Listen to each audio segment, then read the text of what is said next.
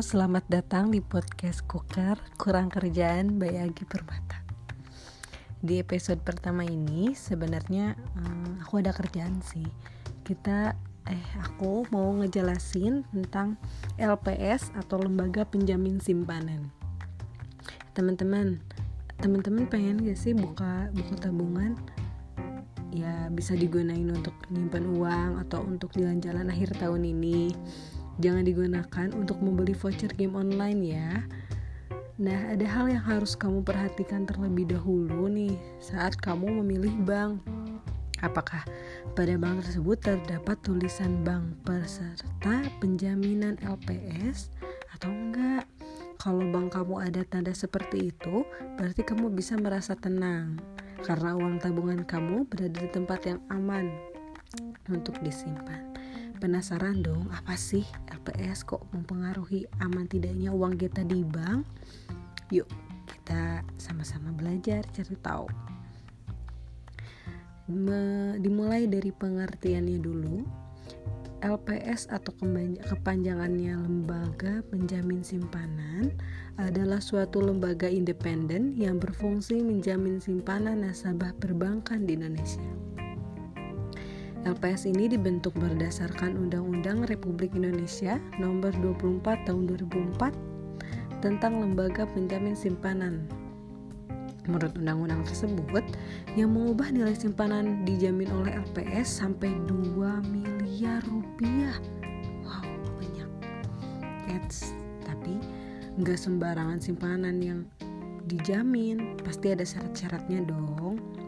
Ada tiga nih syaratnya yang pertama, tercatat dalam pembukaan eh pembukaan pembukuan bank. Yang kedua, tingkat bunga tidak melebihi simpanan LPS. Yang ketiga, tidak melakukan tindakan yang merugikan bank. Teman-teman, LPS ini merupakan bentuk pembelajaran dari krisis moneter tahun 1998 yang pasti udah kalian tahu atau ada yang cerita gitu pas tahun ini tuh susah banget perekonomian di Indonesia karena adanya krisis moneter ini. Dulu saat krisis moneter mengakibatkan menurunnya nih tingkat kepercayaan masyarakat pada sistem perbankan. Jadi masyarakat udah nggak percaya lagi sama bank. Hmm, tapi aku tetap percaya kamu sih. Nah, untuk mengatasinya, pemerintah mengeluarkan beberapa kebijakan, di antaranya memberikan jaminan atas seluruh kewajiban pembayaran bank, termasuk simpanan masyarakat atau bahasa gaul bahasa Inggrisnya itu blanket guarantee. Namun, ternyata blanket guarantee ini menyebabkan timbulnya moral hazard baik dari sisi pengelola bank maupun masyarakat. Akhirnya, pemerintah mengeluarkan undang-undang nomor 10 tahun 1998 tentang perbankan mengamanatkan pembentukan suatu lembaga penjamin simpanan atau LPS ini sebagai pelaksana penjaminan dana masyarakat.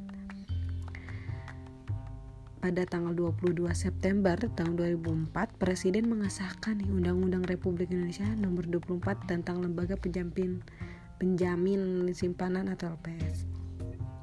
Berdasarkan undang-undang tersebut, LPS suatu lembaga independen yang berfungsi menjamin simpanan nasabah, penyimpan, dan turut aktif dalam memelihara stabilitas sistem perbankan sesuai dengan kewenangannya. Undang-undang ini berlaku efektif sejak tanggal 22 September tahun 2005 dan sejak tanggal tersebut LPS resmi beroperasi sampai sekarang.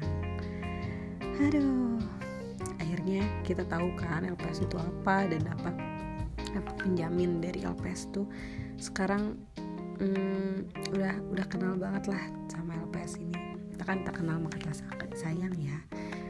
Pastikan eh, bank tempat kamu menyimpan uang merupakan bank peserta penjaminan LPS ya kan udah tahu dong LPS itu apa gunanya apa terus sudah terjamin di undang-undang nomor berapa tahun berapa jadi kalian harus benar-benar pastiin oh aku mau nyimpen nih bank di bank ini sekian ribu rupiah atau sekian juta atau bahkan sekian miliar dipastiin bank itu sudah terdaftar e, merupakan bank peserta penjamin LPS. Nah, jika kamu masih mau belajar lagi tapi gak mau ribet, yuk dengerin aja podcast dari aku. Podcast cooker ini kayaknya ke depannya gak bakal kerjaan-kerjaan kayak gini sih. Kayak ini kan hari pertama eh episode pertama. Jadi pasti ada kerjaan-kerjaannya. Ada tugas ya say. Um, udah itu aja. Capek juga nih ngomong 5 menit lebih. Bye